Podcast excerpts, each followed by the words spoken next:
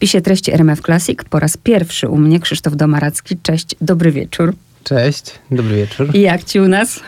Przyjemnie, klimatycznie. Jest wieczór, moi drodzy. Mówię o tym, bo książka, którą mam przed sobą, Przełęcz. Co ty mi zrobiłeś w ogóle, człowieku? Słuchaj, wczoraj, wczoraj ją zaczęłam czytać po południu. Czytałam do wpół do trzeciej. Okej. Okay. I rano zostało mi jeszcze 100 stron. I rano. Rozpędziłaś się. Więc ja po prostu, można powiedzieć, na raz zjadłam twoją książkę i nie mogłam się od niej oderwać. Oj, bardzo mi miło. Ja lubię w ogóle takie, takie sprawy, lubię takie y, kwestie. Mhm. O przełęczy słyszałam. Powiedz, kiedy ty pierwszy raz usłyszałeś? Dość późno, bo w 2019 roku, na początku 2019 roku, wydaje mi się, że w, przy okazji 60. rocznicy tragedii, bo to wiadomo, jak jest rocznica, no to siłą rzeczy w mediach temat jest y, podgrzewany dość mocno. I po prostu poczułem się znokautowany, gdy pierwszy raz się zetknąłem z tą historią. Wciągnęło, wciągnęło mnie niesamowicie. Ja mam coś takiego, że raz na jakiś czas do czegoś się za, zapalę. Czy to jest związane z kulturą, z książkami, z muzyką, z filmem, czy ze sportem, czy z biznesem. To jak się zapalam, to muszę to chłonąć przez jakiś czas. Zwykle trwa to kilka dni i puszcza, a w tym przypadku nie puściło.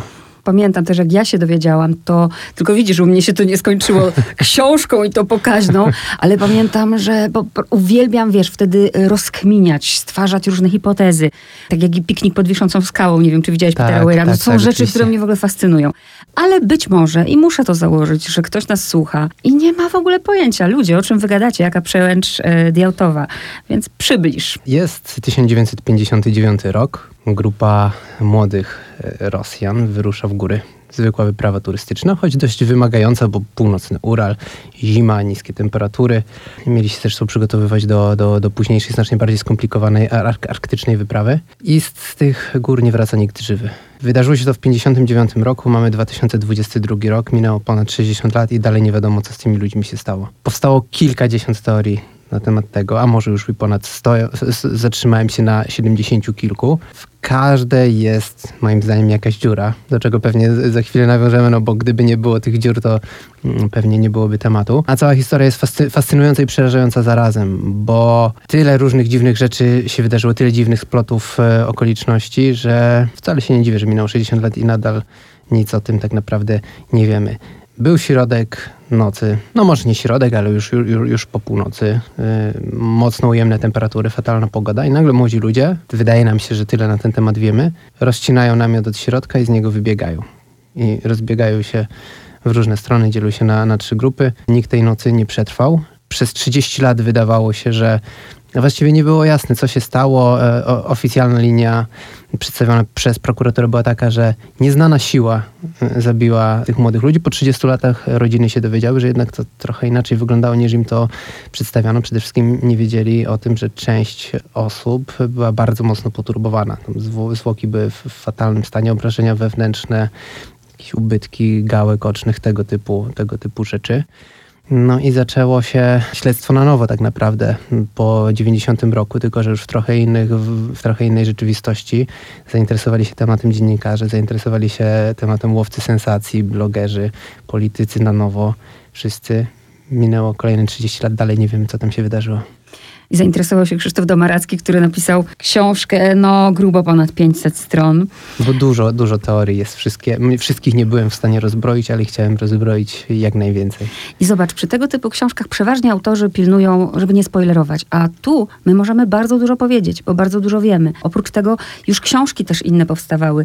Powiedz, czy ty tak. miałeś taką myśl, że ach, za, po co się zabierać za, za coś, co jest już tak dobrze opisane i, i książki na ten temat już, bo na pewno też czytałeś, podejrzewam, tak, Matwiejewą tak, i tak, tak dalej. Nie? Tak, tak, tak. No właśnie pierwsze, co zrobiłem, gdy już byłem, byłem w temacie, gdy już się zanurzyłem, no to zacząłem, najpierw zaczęło się od artykułów, od internetu, potem zacząłem szukać literatury na, na temat przełęczy Diatłowa. Znalazłem dużo reportaży, w tym kilka naprawdę niezłych, a miałem wrażenie, że beletrystyka jest mocno e, zaniedbana. Jest Matwiejewa, ale to dosyć specyficzna książka. Oprócz tego natknąłem się na powieść, która e, skupia się na tym, że e, ludzie próbując się dowiedzieć czegoś na temat przełęczy Diatłowa uganiają się po górach z Yeti więc uznałem, że jeszcze temat nie został wyeksploatowany i da się napisać taką powieść, jako, jak ja, ja lubię pisać, czyli powieść e, coś na styku kryminału, thrillera, dość, dość, w dość mrocznym nastroju, z, z wieloma psychologiczno-obyczajowymi wątkami. Odpowiadasz na te pytania w posłowiu, ale słuchacz ich nie, nie zna tych odpowiedzi, więc ja po prostu będę w ich imieniu je zadawać. Dzisiaj pisarze bardzo mocno przykładają się do czegoś takiego jak research. Czyli krótko mówiąc, wiesz, naprawdę, jak umie, umiejscowią akcję w 59, to dokładnie sprawdzają, czy tam była taka ulica, czy tam, nie wiem, to, tam to odpadło i tak dalej. Ty zaskoczyłeś mnie... Przyznaniem się do winy. Że ty w ogóle nie byłeś w Rosji. A tak. jak, jak, wiesz, bo ja czytam grzecznie od początku do końca. Ja byłam przekonana, że tam przeresearchowałeś po tych, po prostu widziałam cię biegającego po tych górach. Był taki pomysł, był taki pomysł, ale zacząłem się zagłębiać w temat, sprawdzać ile materiałów jest łatwo dostępnych, włącznie z tysiącami, może tysiącami to przesadzam, ale na pewno z dziesiątkami, a pewnie setkami filmów na YouTubie, gdzie można zobaczyć, jak to miejsce wygląda, jak wyglądają te wioski, przez które diatłowcy się przemieszczali, że doszedłem do wniosku, że gra chyba nie byłaby warta świeczki. Bo to jednak jest duża wyprawa na, na, na północny Ural. Duża, kosztowna, długa i stwierdziłem, że nie, że lepiej się przygotuję do tego, może to zabrzmi dziwnie jednak z, z Warszawy siedząc na, na, na, na kanapie, tak? ale wydaje mi się, że to, że to się w miarę udało. No właśnie dzięki temu bogactwu materiałów, które są powszechnie dostępne, dzięki e, bogactwu e, blogerskiemu tak naprawdę, no bo to no, masa rzeczy powstała, masa filmów, e, masa dokumentów, masa dowodów gdzieś opublikowanych, jakichś wycieków było z czego czerpać. I wiedząc, że tam nie pojadę, być może przez to się chyba bardziej przyłożyłem do takiego researchu domowego i miałem ten komfort, że miałem na to czas. Właśnie ile pisałeś tę książkę? Sam zapis nie był jakoś super długi, bo około 9 miesięcy, jeśli dobrze pamiętam. To też nie jest super krótko, bo 9 wiemy... miesięcy, od razu mam skojarzenia.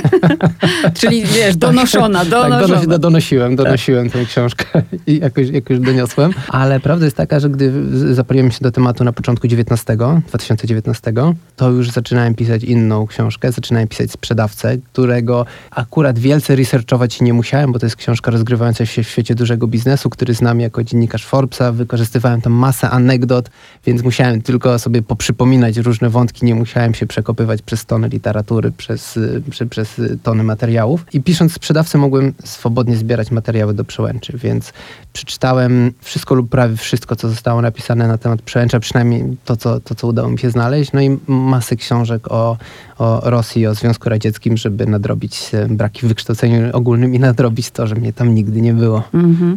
A powiedz, no wiadomo, to jest powieść inspirowana wydarzeniami, mhm. ale mogłeś, równie dobrze mogłeś posłużyć się ich imionami chociażby. Ty postanowiłeś wszystko fikcyjnie, prawda? Imiona, mhm. nazwiska, miejscowość. Bo ja uważam, że jednak nie do końca mogłem z punktu widzenia etyki, bo za mało wiem na temat e, uczestników wyprawy, za mało wiem na temat relacji między nimi, za mało wiem na temat przebiegu wyprawy, musiałbym dużo nazmyślać. I szanse, że trafiłbym dokładnie z tym, jacy byli ci ludzie, jak się zachowali, zachowywali w trakcie wyprawy, były minimalne. Więc y, trochę przez szacunek do prawdy uznałem, że uczynię moich bohaterów bohaterami fikcyjnymi, którzy bazują na, na, na prawdziwych uczestnikach tej wyprawy, ale nie będą mieć ich imion i ich nazwisk, będą mieć trochę jednak inne sylwetki. E, też dla takiej, oprócz tego, że no nie chciałem, nie chciałem e, zupełnie już bajdurzyć i zmyślać na temat ludzi, którzy naprawdę żyli, których spotkała mhm. tragedia, to chciałem mieć też komfort pisarski, żebym mógł coś dołożyć, coś, coś,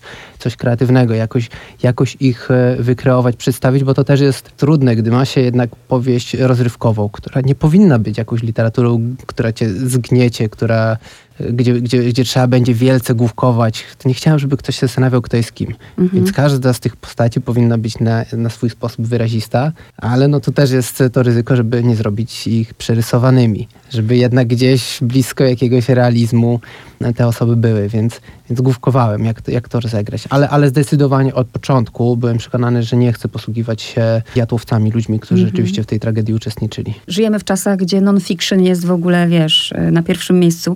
Lub lubimy wiedzieć, że coś się wydarzyło, więc podejrzewam, że na pewno znajdą się tacy, którzy będą czytać tę książkę i sprawdzać, co się, o, się zgadza, a tak. się nie zgadza. Plus jest taki, że też jest tam sporo prawdy. Rzeczywiście niektóre, niektóre zdarzenia są przeniesione jeden do jednego. Tak. Czasem takie y, duperele, jak y, jeden z uczestników wyprawy, akurat w tym przypadku lider wyprawy, złoszczący się e, na to, że dostał y, letnią, letnią herbatę. No, takie mm -hmm. drobiazgi, takie smaczki są.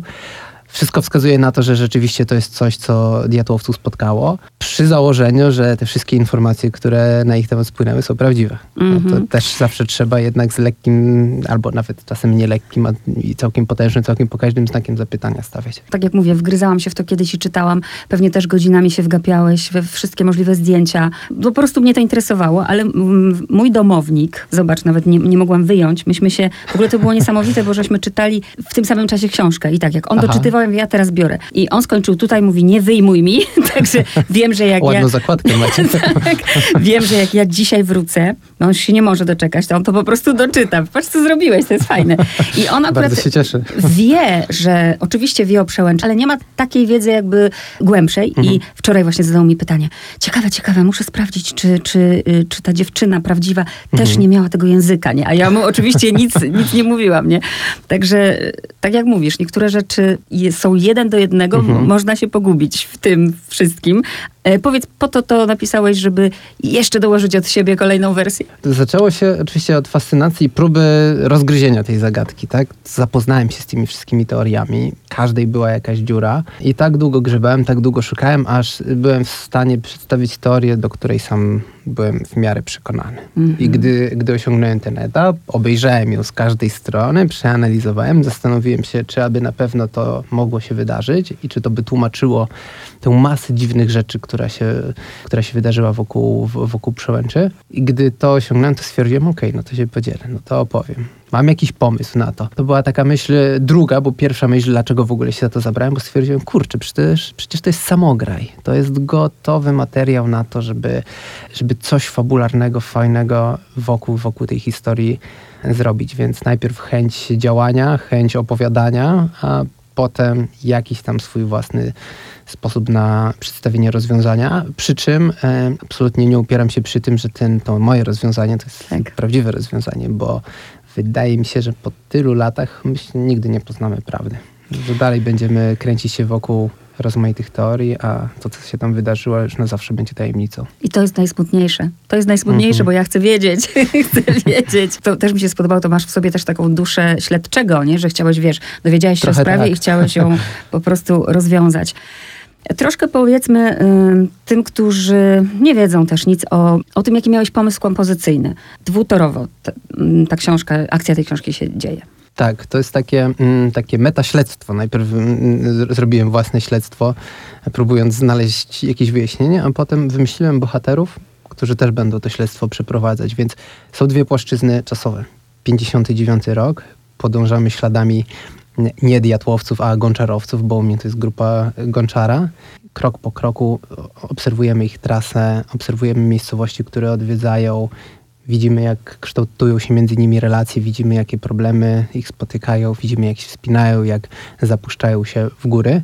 Równocześnie 61 lat później, w 2020 roku, dwoje śledczych zostaje niejako oddelegowanych do zgłębienia tej tajemnicy po raz kolejny, ale to nie są policjanci. To jest y, Żenia Kowalczuk, obecnie prywatny detektyw, w przeszłości wojskowy, w przeszłości milicjant, człowiek, który był na wojnie w Afganistanie, który sporo widział, sporo przeszedł i ma takie nihilistyczne podejście do życia, ale oprócz tego jest niezłym detektywem, całkiem, całkiem bystrym gościem, chociaż nie, nie zawsze pracowitym, a przynajmniej nie sprawiającym wrażenie, wrażenia pracowitego i jak twierdzi jego była żona, cholernie niekonsekwentnym. I oprócz Żeni Kowalczuka jest Anna Gamowa, czyli Uzi, prawniczka moskiewska, która została oddelegowana do tego zadania, chociaż też sama chciała się te, tego, tego podjąć przez potężnego prokuratora Fiodorowa, który z jakiegoś powodu chce się dowiedzieć, co tam się wydarzyło. No i mm, Żenia i Uzi też to znacząco się e, różnią. Różnią się, no, dzieli ich spora różnica wieku, więc jest różnica pokoleniowa. Dzieli ich podejście do pracy. Uzi jest bardzo sumienna.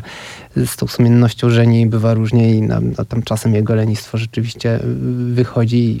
Uzi się na to frustruje on niekoniecznie jej frustracjami się przejmuje, ale w jakimś stopniu się uzupełniają i charakterologicznie, i pod kątem kompetencji, i próbują się w to wgryźć. No i co, co robią, żeby się dowiedzieć? No to zaczyna się ich podróż w mieście, próbują się czegoś dowiedzieć z dokumentów, zapoznać się z teoriami, jakoś znaleźć jakikolwiek punkt zaczepienia dla tej sprawy, a potem idą w teren, jeżdżą po tych miasteczkach, gdzie, gdzie, gdzie byli gonczarowcy i próbują odkryć ten sekret na wszystkie możliwe sposoby, co ponad 60 lat później nie jest takie proste, no bo większość ludzi, która mm, mogła coś na ten temat powiedzieć, już nie żyje albo jest w takim wieku, że ciężko się z nimi porozumieć. W początku też chyba budujesz tak y, właśnie, że jest wszystko naprzemiennie. 59 2020, 59 2000, później się to troszeczkę zmienia. Tak, tak, tak. Ale... Jest kilka, mm -hmm. kilka podejść. Tak, tak. Najpierw jest naprzemiennie, potem jest, no powiedzmy, kilka mhm. rozdziałów czy kilkadziesiąt stron wyłącznie e, perypetii Żeni i Uzi, potem kilka rozdziałów skupionych wyłącznie na Gonczarowcach i potem wracamy do tej narracji naprzemiennej. No i jest jeszcze piękna klamra kompozycyjna. Jest. Mówię o początku i o, o, końcu. Zawsze mnie też to ciekawi. Widzisz, jak Żenia i Uzi pracowali nad tą sprawą, to mieli w hotelowym pokoju, wiesz, porozkładane dokumenty i zastanawiam się, czy ty też tak pracujesz, czy ty miałeś jakąś, wiesz, tablicę korkową i sobie wybierałeś te rzeczy, czy jak, jak to wyglądało u ciebie, praca? Było, byłoby to bardziej efektowne niż, jak, niż to, jak to się rzeczywiście odbywało, bo wszystko się sprowadziło do komputera jednak i do, do, do plików wordowskich i tam wszystko sobie rozpisywałem i rzeczywiście tak, e, starałem się w miarę systematycznie podejść do tematu, bo wiedziałem, że jest dość rozległy. To mnóstwo, mnóstwo teorii, które trzeba rozbroić, wielu bohaterów, których trzeba jakoś scharakteryzować, zbudować, ileś tam wątków, które, które trzeba poprowadzić I, i, i wiele z tego udało mi się wymyślić wcześniej, tak bardzo wstępnie rozpisać, żebym wiedział, którą ścieżką powinienem podążać, a potem to już była prosta, prosta robota i fajna zabawa przy tym, żeby, żeby te wątki ciągnąć, żeby te charakterystyki pogłębiać, trochę się też zaskakiwać, bo tak gdzieś wychodzę z założenia, że dobrze jest zbudować jakiś szkielet dla, dla powieści, zwłaszcza gdy to jest,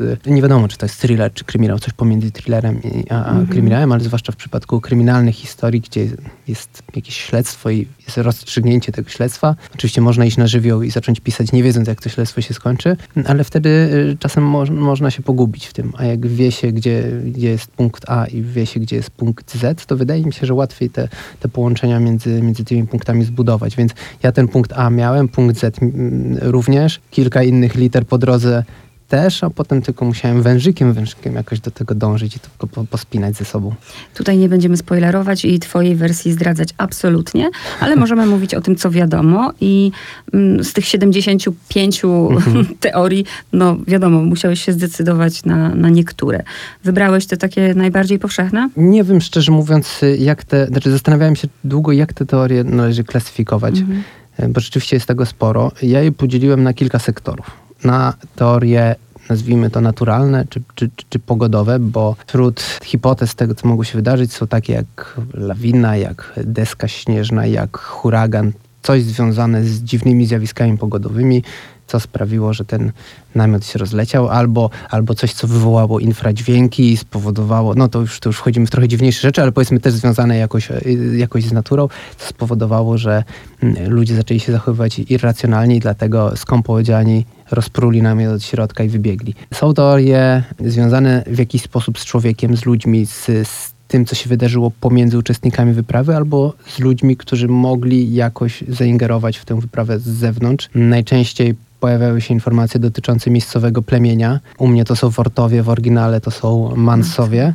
Pojawiały się teorie na temat y, jakiejś interwencji wojskowej, y, agentów KGB, którzy mogli się jakoś włączyć w tę wyprawę i, i, i, i wszystko zdewastować. I są teorie dziwne, nazwijmy to. Teorie związane z jakąś interwencją militarną, z testami broni, najróżniejszej broni, bo pamiętajmy, że to zimna wojna mm. była, więc i, rzeczywiście testowano gdzieś w, w tych okolicach E, broń. Są teorie związane z UFO, co też nie jest takie zupełnie od czapy, bo turyści robili zdjęcia. Czasem są przedziwne jakieś ujęcia na tych zdjęciach, jakieś światełka były widziane. Mm, świadkowie zeznawali coś takiego, więc też nie jest jasne do dzisiaj, co to tak naprawdę było. Czy to może jakiś błąd na kliszy, czy, czy jednak coś tam dziwnego na tym niebie się Żenia z Uzi się UFO odrzucili od Oni szybko, tak, Bardzo. szybko, szybko, szybko się z tym rozprawili, tak, tak. Ale tych teorii jest mnóstwo. Ja też je sobie po, po- pogrupowałem i, i dłubałem w tym, dłubałem, dłubałem, dłubałem, pró- próbując znaleźć dobre wytłumaczenie tego, co mogło się tam stać. Kiedy tworzyłeś Wortów, Wortowie, tak? Tak. Wortowie, to na ile inspirowałeś się właśnie... Mansami? Mhm. W dużym stopniu. Tak, to znaczy nie, nie, nie, nie mogę powiedzieć, żebym o Mansach się dowiedział absolutnie wszystkiego, ale e, starałem się przede wszystkim dowiedzieć, jaka była ich rola oficjalnie w, w tym śledztwie, co ich tam spotkało, i, jaki był stosunek władzy sowieckiej do nich, z, z jakimi wyzwaniami oni się e, mierzyli. I muszę powiedzieć, że dzisiaj jestem pod wrażeniem, że oni się nie przyznali do tego, że, że coś tam zrobili, niezależnie od tego, czy Mhm. mieli z tym coś wspólnego, czy nie. Ale wszyscy wiemy, jakie, jakie mogą być e, metody przesłuchań i wydobywania informacji i jestem pod wrażeniem ich wytrwałości, że nikt nie wziął winy na siebie, bo to pewnie byłoby całkiem wygodne dla sowieckiej władzy wziąć Mhm. kogoś z tego plemienia i zmusić do tego, żeby się przyznał wziął ten ciężar na swoje barki. Ale tak, no starałem się czego, czegoś o nich dowiedzieć i, mm, i Wortowie są, są mocno oparci na, na Mansach. W tamtych latach to było niezwykle popularne, że właśnie młodzi ludzie na takie wyprawy Tak, ruszali. Bo, turystyka była, eks- e, była takim chyba podstawowym sportowym zajęciem. tak, nie zdziwiły na przykład, że wśród, y, no bo tego jeszcze nie powiedzieliśmy, a to warto powiedzieć słuchaczom, e, właśnie jaki mamy rozkład płciowy. Płci, Tak. mhm. tak, były dwie dziewczyny na tej wyprawie. W ogóle zaczęło się od dziesięciorga osób. Dziewięcioro studentów e, lub świeżo upieczonych absolwentów. W oryginale to, to, to, to była Poli- Politechnika we Swierdłowsku, czyli w dzisiejszym Jekaterinburgu. Mnie to jest Niesterów i Politechnika Niesterowska. Wyższa półka, można powiedzieć. Tak, nie, no to kwiat narodu, Tak. kwiat narodu radzieckiego zdecydowanie. Zdecydowanie umysły ścisłe.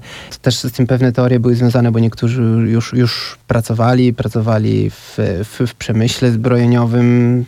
Zresztą ślady promieniowania zostały znalezione na, na odzieży i potem się zastanawiano, czy to właśnie owoc tego, co oni tam dziwnego ze sobą przytargali w te góry, czy może właśnie owoc ich, ich pracy i, i też do dziś tak naprawdę nie wiadomo skąd to się wzięło. To było dziewięcioro studentów i był jeden starszy uczestnik wyprawy, o którym bardzo mało wiadomo do dzisiaj. No I on jest chyba najbardziej fascynujący. tak, bo nie do końca wiadomo, jak on w zasadzie znalazł się na tej wyprawie. Nie do końca wiadomo, czy on był instruktorem w bazie turystycznej, czy przewodnikiem górskim. Jego przeszłość też jest taka mocno, mocno zagmatwana i to nie jest tak, że z, z biegiem czasu tych zagadek ubywa, wręcz przeciwnie, jest coraz więcej, bo w 2018 roku, to w, w oryginale ten, ten, no, ta postać moja została zbudowana na Simonie Zołotariowie.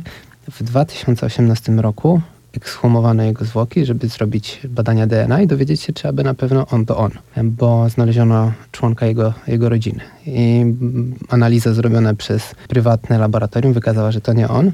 Niedługo później pojawiła się analiza zrobiona przez państwowe laboratorium i okazało się, że to musi być on. Więc Niezwykle. cały czas coś jest, coś, jest, e, co, coś jest niejasne w tej historii. A e, zginęło dziewięć osób, bo jeden z uczestników wyprawy w ostatniej chwili, tuż przed tym, jak zaczęli się wspinać z powodów zdrowotnych, musiał się wycofać. I to po prostu było takie oszukać przeznaczenie. Tak, tak, tak. W twojej książce troszkę inne powody też mamy jego odejścia, e, Tak. bo tu w ogóle fajne, fajne też właśnie pokazujesz cechy charakterologiczne i zmagania też bohaterów ze sobą, ale mm, ten prawdziwy, nie wiem jak on się naprawdę nazywał, mm, Judin. Judin Mhm. właśnie, to też właśnie czytałam, że do końca swoich dni próbował rozszyfrować, co się z Tak, nimi do dziś, stało. do dziś działa fundacja, która Mm. mm, zajmuje się tym tematem. Oni nie, nie zaakceptowali żadnej z prób wytłumaczenia tego, co się stało i da, dalej, dalej dłubią w temacie, próbują się czegoś dowiedzieć. Coś Stąd też moje podejrzenie, że skoro są ludzie, którym naprawdę zależy na tym, żeby to wyjaśnić, dużo bardziej niż, niż, niż, niż, niż mnie jako autorowi. No, dla mnie to jest mimo wszystko ciekawostka. Nie jestem, nie powinienem być z tym jakoś super emocjonalnie związany, ale są ludzie, którym naprawdę na tym niesamowicie zależy i dalej nic. I trochę teraz takich, mm, takich pierdół, które mnie bardzo interesują. Obładowałeś tych ludzi i tu się też zastanawiam, Mhm. e, na ile wziąłeś to z dokumentów, czy z tego, co czytałeś, ile oni taszczyli na sobie Tak. tych kilogramów, ile oni wzięli tego jedzenia, ile wzięli tej wódki. Tej wódki w ogóle jest bardzo dużo. Ja wiem, Rosja, wódka i tak dalej, tam wszędzie, wszyscy wszędzie piją. W, wódki to oni ze sobą nie wzięli. Aha, no tak. No ale, ale po, tak, po, gdzie, powiedzmy tak, tam gdzie trafiają po drodze, to wszędzie, wszędzie jest wódka. Jest wódka. O to chodzi, nie? Tak, tak, I tak. E, w najbardziej też odległych miejscach e, dziwnych ta wódka jest. I też mnie to tak. ciekawiło, czy, czy ta wódka, która się tam pojawia, ten alkohol powiedzmy, to są twoje wyobrażenia o Rosji? W kilku miejscach, moje wyobrażenia, w kilku miejscach rzeczywiście ta wódka się pojawiała. Mm -hmm. Przynajmniej tak, tak, tak, tak wynika z tego, co mm, z tych informacji, do których można dotrzeć. Wielką wątpliwością jest to, czy wódkę mieli diatłowcy -hmm. rzeczywiście e, na górze. Zdaje się, że najbardziej prawdopodobny scenariusz jest taki, że znaleziono spirytus przy nich. Mhm. E, znaleziono puste butelki po spirytusie, które prawdopodobnie zostały opróżnione przez ekipy poszukiwawcze, które dotarły jako pierwsze do, do, do namiotu. Tam trochę czasu spędziły i być może ci ludzie, którzy szukali diatłowców, wypili, wypili spirytus, zostawili puste butelki, bo założenie diatłowców było takie, to akurat przyniosłem jeden do jednego, żeby nie spożywać alkoholu w czasie wyprawy. Mhm. Miała to być kulturalna, sucha wyprawa turystyczna. Mnie na początku właśnie zdziwiły te dziewczyny, tylko że później zaczęłam myśleć kategoriami y, lat, w których jestem, no bo dzisiaj wydałoby mi się to wielce ryzykowne, gdyby dwie dziewczyny mm, poszły w te góry, ale jesteśmy w latach, na początku lat 60. i to jest też zupełnie inne pokolenie ludzi. Mm -hmm, Tak, ale zresztą no to, to rzeczywiście były na pewno dwie śmiałe dziewczyny. Można w ogóle bardzo szczegółowo prześledzić doświadczenia turystyczne wszystkich uczestników. W wyprawie jest w ogóle kapitalna strona poświęcona przełęczy Dietłowa, e, diatlowpass.com bodajże. Nie, nie jestem pewien, ale, ale to coś zbliżonego w ten sposób na pewno się znajdzie, gdzie jest, po prostu kopalnia wiedzy na temat tych, na temat uczestników wyprawy i można bardzo uważnie prześledzić, gdzie oni się wspinali wcześniej. To nie byli ludzie z przypadku, to znaczy to, to są dalej turyści, to nie są zawodowi sportowcy, ale to są ludzie, którzy wchodzili w dużo wyższe, dużo cięższe góry, którzy naprawdę na nogach i na nartach to sporo terenu pokonali. Jedna z tych dziewczyn w ogóle była na, na, wcześniejszej, na jednej z wcześniejszych wypraw, została postrzelona przypadkowo, ale starczyło jej determinacji, żeby jakoś tę wyprawę e, ukończyć, więc no, to są ludzie, którzy przynajmniej patrząc na te, na te ich doświadczenia, na to ich zaangażowanie, na ten e, zapał, na pewien potencjał też taki osobniczy, który w sobie mają, no bo to tak jak mówiliśmy, kwiat narodu radzieckiego, no powinni sobie poradzić z taką wyprawą, powinni ją udźwignąć mimo jakichś tam sporów, mimo jakichś konfliktów, które z reguły się pojawiają, no jednak jest grupa osób, nie wszyscy pewnie się lubią od początku, są jakieś namiętności, jakieś spory, ta wyprawa trwa długo. Z dobrymi, z najlepszymi przyjaciółmi po kilku latach, e, po, po, kilku, po kilku dniach wakacji można się pożreć, tak, że się ludzie do siebie nie odzywają przez, przez kolejny tydzień. Powiedz, tworząc te postaci, bo też wiesz, każdemu dajesz wiadomo inne cechy. Mm, jeden ma być po prostu mm, rozbawiaczem, drugi jest mrukiem. To też właśnie inspirowałeś się czytając o nich i tutaj, czy, czy dodawałeś im swoje jakieś, wiesz? Trochę tak. E, rzeczywiście powiedzmy takie podstawy charakteru starałem się pożyczyć od, od prawdziwych, e, od, od, od rzeczywistych uczestników te, tej wyprawy, ale naprawdę bardzo mało o nich mhm. wiadomo, czy o ich relacjach. Czasem miałem wrażenie, że to, co nam zostało zaserwowane, to trochę takie trochę przesłodzone bajdurzenie na temat młodych, idealistycznych ludzi. Ciężko mi było wierzyć, że oni tacy rzeczywiście są, więc pożyczyłem powiedzmy jakiś taki szkielet charakterologiczny, ale dobudowałem do tego to, co mi się wydaje, co mi się wydawało, że może być taką esencją tych, tych, tych, tych ludzi. Więc trochę cała, cała ta książka jest taka, że trochę prawdy, mm -hmm. czasem przeniesione jeden do jednego i spora warstwa, warstwa fikcji. Omijam i pewne rzeczy będę omijać właśnie, żeby nie spoilerować mm -hmm. tej twojej, bo to, to by nie było zabawy, więc krążymy sobie wokół rzeczy. Jeszcze, jeszcze tak, pytałam o alkohol. Aha, a obładowałeś ich tymi rzeczami? A, tak, tak, tak. Plecaki mieli, ale oni rzeczywiście mieli masę sprzętu, włącznie z tym, że mieli przepotężny, żeliwny piecyk, który musiał jeden z uczestników wyprawy, najsilniejszy w ekipie, targać, więc tak właśnie, gdy czytałem o tym, o tym ich ekwipunku, to miałem wrażenie, że no bo oni się nie wspinają, to, to, nie, jest, to, nie, jest, to, nie są wielkie góry, Ural, Ural w ogóle nie jest mhm. jakimś wielkim pasmem górskim, ta przełęcz to jest, na której, na której oni zginęli, to jest mniej więcej tysiąc metrów, czy nawet niespełna tysiąc metrów nad poziomem morza. To nie są, to nie, to nie jest jakaś super spinaczka, ale to są dość mocno oddalone na tak. północ tereny, stuprocentowo zaśnieżone w bardzo niskiej temperaturze i oni byli właśnie obładowani tymi tobołami, tym, jedzeniami, jedzeniem, tym wszystkim, co potrzebowali, żeby jednak te kilka tygodni móc tam kursować i mieć jeszcze jedzenie na kilka dni zapasu jakichś tam nieprzewidzianych okoliczności. Ale chyba najlepiej o tym ich obładowaniu świadczy to, że zbudowali sobie mm, po drodze mm, miejsce, w którym szałasik, miejsce, w którym część rzeczy, które wydawało im się, że im się nie przyda, część, część rzeczy zostawili, mieli po to wrócić, jak już e, zdobędą ten szczyt, który sobie założyli. No niestety nigdy nigdy, nigdy tej trasy nie pokonali. Niektórzy poboczni bohaterowie, no takich nazwijmy, mam na myśli prokuratora, imię sobie wziąłeś, prawda, od prawdziwego, ale interesują mnie, mnie ci, nie wiem jak ich nazwać, oligarchowie? Mhm. E, lokalni tak, oligarchowie. Tak, lokalni właśnie. To, to tu jestem też ciekawa. To był twój wymysł, czy? Tutaj to akurat zdecydowanie fikcja. Mhm. To znaczy nie bazowałem, nie, nie, nie tworzyłem tych postaci w oparciu o kogokolwiek. Ludzie, którzy dłubali przy tym śledztwie, ci powiedzmy prokurator, który się tym zajął w 1959 roku, trochę e, bazował na, na prokuratorze, który rzeczywiście się tym zajmował. E, zwłaszcza, że ten człowiek, to on po 30 latach stwierdził, po ponad 30 latach stwierdził, przyznał się publicznie, że no nie wszystko, co do tej pory e, ludzie usłyszeli na ten temat było prawdą. Więc on w dużej mierze bazował na, na, na, na prawdziwej postaci, w jakiejś mierze bazował na prawdziwej postaci, ale ci wszyscy współcześni byli wymyśleni. Już po napisaniu tej książki, to masz ją już gotową, to wierzysz w swoją wersję? Myślisz, że ona ci się wydaje najbardziej prawdopodobna? Tak, tak. To, to musia, musiałem uwierzyć. Gdybym, mm. gdybym, gdybym nie uwierzył, to bym pewnie, pewnie nigdy się nie podjął tego, ale e, nie wykluczam, że gdybym może dłużej jeszcze posiedział, to bym znalazł drugie jakieś rozwiązanie. Ja przede wszystkim szukałem, e, no, to jest, to jest ten problem, że mm, i chyba fenomen tej historii polega na tym, że tam w pierwszym odruchu można złapać wiele wytłumaczeń tak. i dopiero pod koniec rozgrzebywania tego konkretnego wytłumaczenia no, człowiek natrafia na minę. Widzi, że nie, to jednak się nie mogło wydarzyć, chociaż wydaje się, że do pewnego momentu, że to jest właśnie to. I tak pokonuje się tę drogę w trzech czwartych i na ostatniej prostej ta, ta teoria upada. I tak chodziłem z różnymi teoriami, w końcu znalazłem taką, która pasuje, ale niewykluczone, że pewnie znalazłoby się y, kilka innych wytłumaczeń, które ja być może nie nią wręcz rozczarowana w takim sensie, że, że to tak, rozumiesz, nie, że nie wiem, to faktycznie mhm. tego UFO bym się spodziewała, ale ja byłabym skłonna, powiedz, czemu nie poszedłeś w tę stronę, czy może by to było nieatrakcyjne fabularnie, ale myśląc już o tej prawdziwej mhm. historii, ja się skłaniam ku, ku tym dziwnym dźwiękom i ku teorii y, naukowca. Mhm. Też ją rozebrałem na czynniki pierwsze w tę... No właśnie, ale tak, no i to w ogóle jest dla mnie kuszące, bo gdzieś tak e, zawsze wychodzę z założenia, że najpierw trzeba poszukać racjonalnego uzasadnienia, skłonić się do, w, w, kierunku nauki, zobaczyć, co naukowcy, co mądrzy ludzie na ten temat mówią. Ale właśnie gdy te różne teorie naukowe porozbierałem, to one też tak w jakimś tam stopniu były uprawdopodobnione, ale też wszystkiego mm -hmm. nie tłumaczyły i za dużo dziwnych czynników się na to musiałoby złożyć, żeby to się wydarzyło. No domyślam się, że tu się wydarzyło coś super niestandardowego, skoro ty, tyle czasu minęło, a my dalej nie wiemy, co się no wydarzyło. No i też powiedzmy a propos bohaterki jednej właśnie pozbawionej mm, oczu i języka, mhm. to też są teorie nie wiadomo jakie, a tak naprawdę być może zwykłe procesy tak, gnilne tak, tak, tak, tak, tak, tak. No bo właśnie to, to mm, nie wiem na ile chcemy wchodzić w omawianie szczegółów y, dotyczących samych zwłok, ale w uproszczeniu zwłoki były, to nie jest tak, że ci ludzie wybiegli z namiotu i każdy pobiegł zupełnie w swoją stronę. Podzielili się na trzy grupy, przynajmniej tak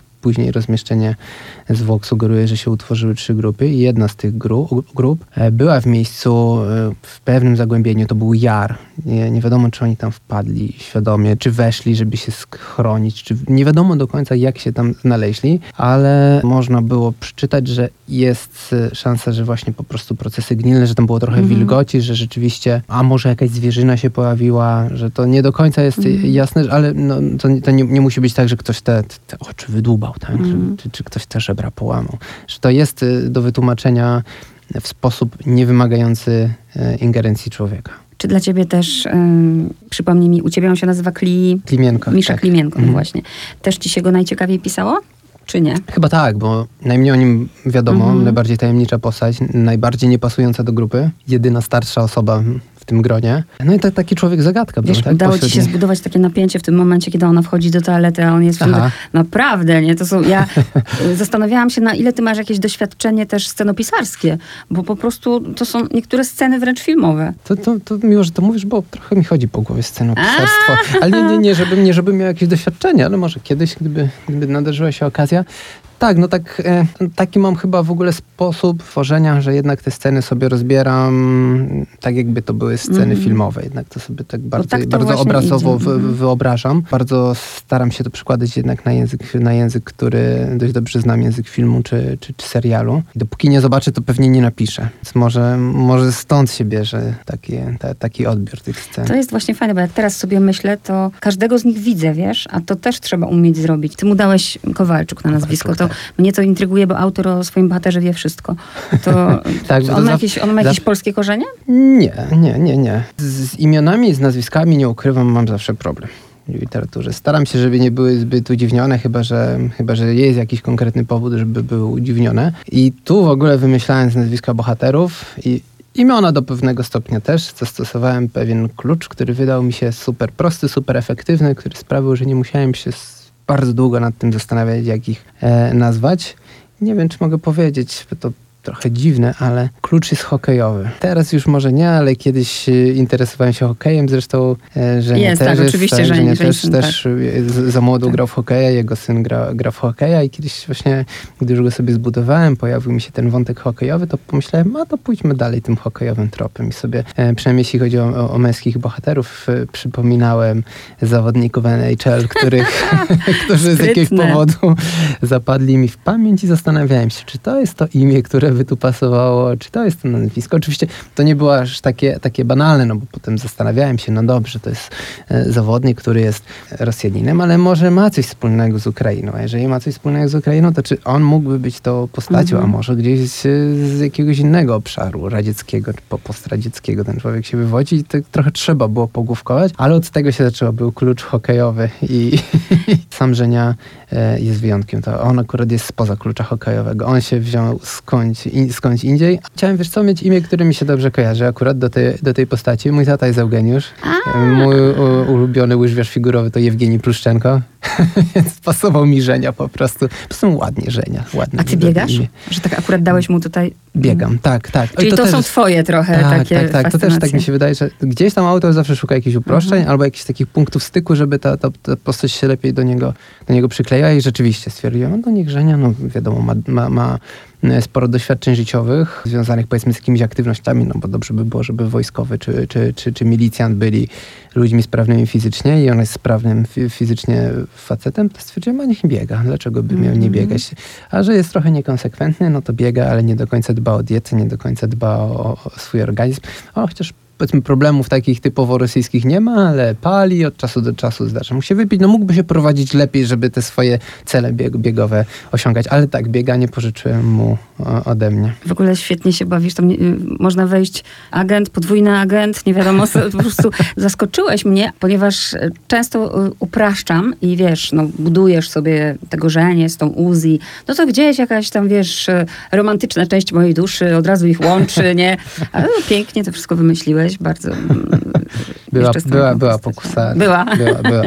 Mu, musi być pokusa chyba. Nie wiem, co bym musiał zrobić, żeby się nie zrodziła. No też pięknie pokazujesz to napięcie między nimi, właśnie o to chodzi, nie? Dlatego tak się zastanawiałam przez chwilę, że ty mm, chyba piszesz tę książkę już z, z takim konkretnym celem filmowym. Czemu nie? Powiedz mi, był film na temat przełęczy? Był. Bo ja chyba nie widziałam filmu. Był i był dziwny.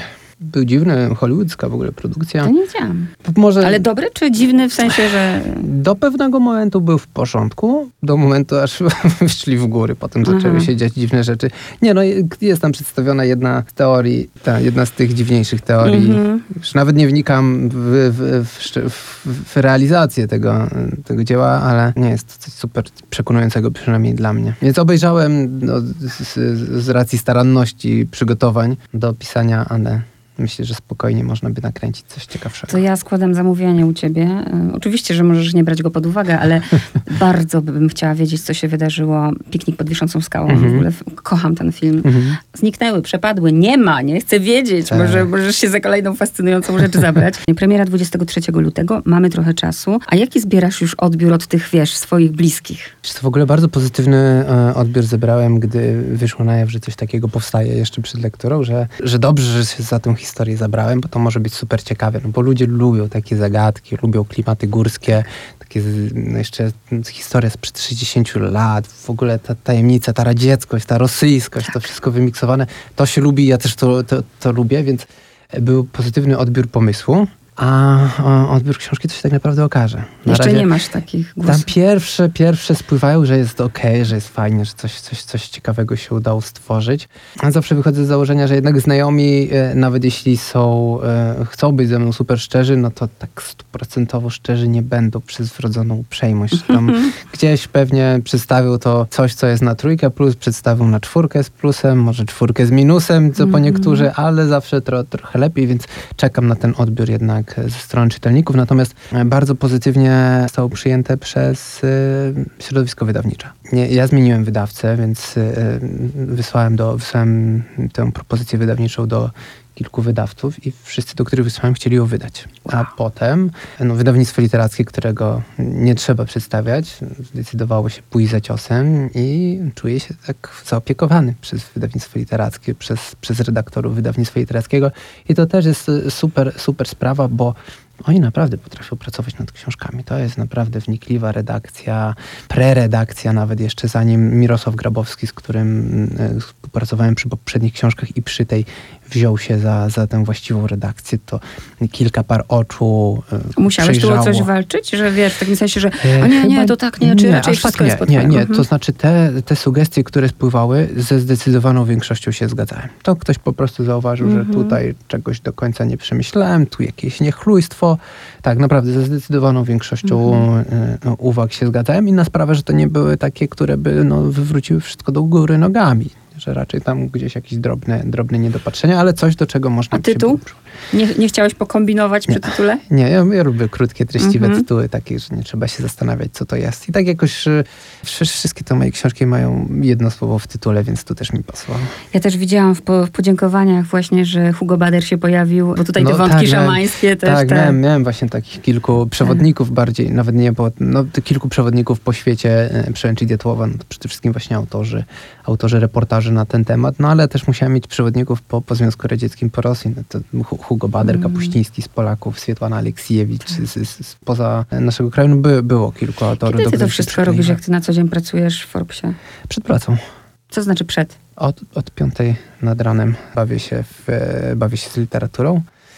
No bo wiesz, gdy stwierdziłem, że chcę trochę poważniej podejść do pisania, bo pierwszą książkę pisałem wtedy, kiedy miałem czas. Trochę po pracy, trochę w trakcie jakiejś przerwy, trochę w weekendy, w taki mocno nieustrukturyzowany sposób. No i gdy się okazało, że jednak się totalnie nie wygupiłem i że ktoś chce to wydać, a ja wygupiłem się tym, że rozłożyłem to na, na trzy części i wiedziałem, że muszę pójść za ciosem i napisać drugą i trzecią część, to mhm. muszę, musiałem wtedy wymyślić, kiedy ja to mam robić. I mm, doszedłem do wniosku, że będę to robił przed pracą. Bo, A na którą idziesz do pracy? E, standardowo, ósma, dziewiąta. Bo wiesz, bo ja też myślę technicznie ale... od razu, mhm. nie? Myślę o tym, zanim się człowiek obudzi, dobudzi, a rozbudzi, widzisz, a ty co, wyskakujesz i piszesz? No nie. W no. zasadzie tak. Tak, to jest ten pierwszy moment szoku.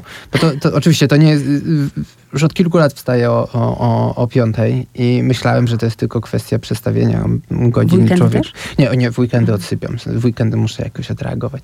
Ale myślałem, że jak zacznę chodzić trochę wcześniej spać, to potem już nie będzie problemu z tym wstawaniem o piątej. Guzik, prawda? Zawsze jest walka. Zawsze jest walka, zawsze się nie chce Aha, wstać. czyli to nie jest takie proste. To nie, jest jednak ta dyscyplina. Się, trzeba tak? się zmusić, mhm. tak. Trzeba, przynajmniej ja się, ja się muszę zmusić.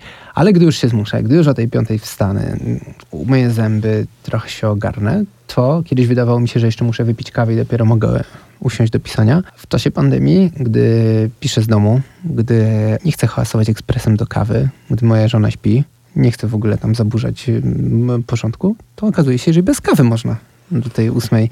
Coś niesamowitego. Jesteś dla mnie w ogóle inspiracją, ponieważ ja próbowałam, oczywiście, naczytałam się książek, klub, pie, klub Piąte Rano. Bardzo chciałam do tego klubu należeć, tylko tak, ja przegrywam już po ale wiesz. wiesz co, to też taki te, też pewnego rodzaju pragmatyzm, bo zauważyłem, że okej, okay, no do piątej, do wstawania o piątej trzeba się zmusić, ale że rzeczywiście zauważyłem, że mój umysł lepiej pracuje od rana. Więc gdy muszę wykonać coś mocno kreatywnego, coś ambitnego, a wydaje mi się, że bardziej wymagające intelektualnie jest pisanie książek niż bycie dziennikarzem, albo in, inny, inny rodzaj po prostu wy, wysiłku intelektualnego jest potrzebny, przede wszystkim stuprocentowo indywidualny, nie, nie jakiś interakcyjny, to wolę to zrobić przed pracą, potem jestem w stanie zrobić swoje w pracy jako dziennikarz, rozmawiać z ludźmi, przeprowadzać wywiady, pisać artykuły. No i gdy e, kończy mi się bateria, to potem już nie jestem w stanie funkcjonować. Potem mogę uprawiać co najwyżej sport, robić coś, e, co nie wymaga żadnego zaangażowania umysłowego. A jak na przykład, wiesz, no nie wiem, wpadać ten pomysł, już piszesz, po prostu jesteś w tym amoku i nagle, no dobra, jest ósma, muszę iść do pracy, to nie jest też tak, że ty to niesiesz do pracy i cały czas noszę, o tym myślisz. Noszę, tak. W ogóle to też jest tak, że e, okej, okay, ten czas pisania, no to pewnie 2-3 godziny dziennie, ale czas myślenia, wymyślania, knucia, kombinowania, jakichś tam pokątnie mm. robionych notatek na telefonie, to jest pewnie drugi tyle. Wchodzisz w tę historię, wiesz, że rozbrajanie jej zajmie ci kilka miesięcy. No, byłoby, byłoby pewnie, dałoby się pewnie robić szybciej, gdybym skupił się tylko na tym, no ale ta historia się przykleja i dopóki się jej całej z siebie nie wyrzuci, no to chodzi to za człowiekiem. A potem chodzi dalej, gdy się poprawia, gdy się sprawdza, czy te wszystkie punkty są dobrze połączone. Ta dubanina jest. Też dla mnie to jest robota. niebywałe, zobacz, że ty się za to wziąłeś, że nikt przed tobą w tym kraju się za to nie Ale wziął. wiesz, jakie ja miałem lęki? jak ja to wymyśliłem w tym 2019, że się za to wezmę, ale wiedziałem, że się za to wezmę pewnie dopiero za pół roku, za 9 miesięcy, za rok, w zależności od tego, bo gdy, gdy, gdy, gdy, ten pomysł się pojawił, wiedziałem, że muszę, muszę skończyć sprzedawcę, muszę przejść ten cały proces e, poprawiania książki i tak dalej, e, naczytać się o tej przełęczy, dowiedzieć się wszystkiego, wymyślić te swoje rozwiązania. I ja autentycznie żyłem w potężnym lęku wtedy, gdy widziałem, mm, że jakiś autor. Tak, gdy widziałem, że jakiś autor oznajmia na Facebooku, że będzie miał prawdziwą bombę, że odniesie się do jakichś prawdziwych wydarzeń, a jak jeszcze sobie gdzieś tam doczytałem, że ten autor kiedyś coś wspólnego ze wschodem miał, bałem się po prostu, że o kurczę, ja tu już się naczytuję, przygotowuję, a tu ktoś mi zgarnie pomysł przed nosa. No bo to już by nie miało sensu, gdyby no tak. ktoś, ktoś to napisał, a ja a to, O tym w ogóle nie pomyślałam, że to jest też tak, że aha, no nie ma, że rezerwujesz sobie sobie obwieszczasz światło i nie, do widzenia. Nie? Znaczy nie, może, może to by tak zadziałało, gdybym gdzieś tam wszemi, może to by odstraszyło. No ale z drugiej żeby... strony to też nie jest tak, że ktoś... Zawłaszcza pomysł, prawda? Tak, i ktoś inny też może sobie teraz napisać. Oczywiście, może napisać, może inne teorie przedstawić, może w zupełnie inny sposób ugryźć tę, tę historię. Tak? No nie, nie... Może napisać to w formie listów, na przykład. W formie nie wiem, pamiętników, bo tam też pamiętniki tak, były tak, wyprawowe. Tak, tak, tak. No ty zrobiłeś kawał dobrej roboty, dlatego byłam tak zaskoczona w posłowie, jak ty jeszcze, jeszcze tutaj piszesz, że no, napisałeś po prostu, że nie chcę nikogo tutaj, po prostu chcę, żebyście się dobrze bawili, rozrywka, nie? No bo tak, no bo a to tu jest kawał po prostu roboty i też fajnego myślenia też, drodzy słuchacze, o, o Rosji w ogóle, nie? Jestem w tej kwestii absolutnym naturszczykiem. Krzysztof Domaracki, dziękuję ci bardzo za czas i za ja książkę. Tobie, ja tobie również dziękuję.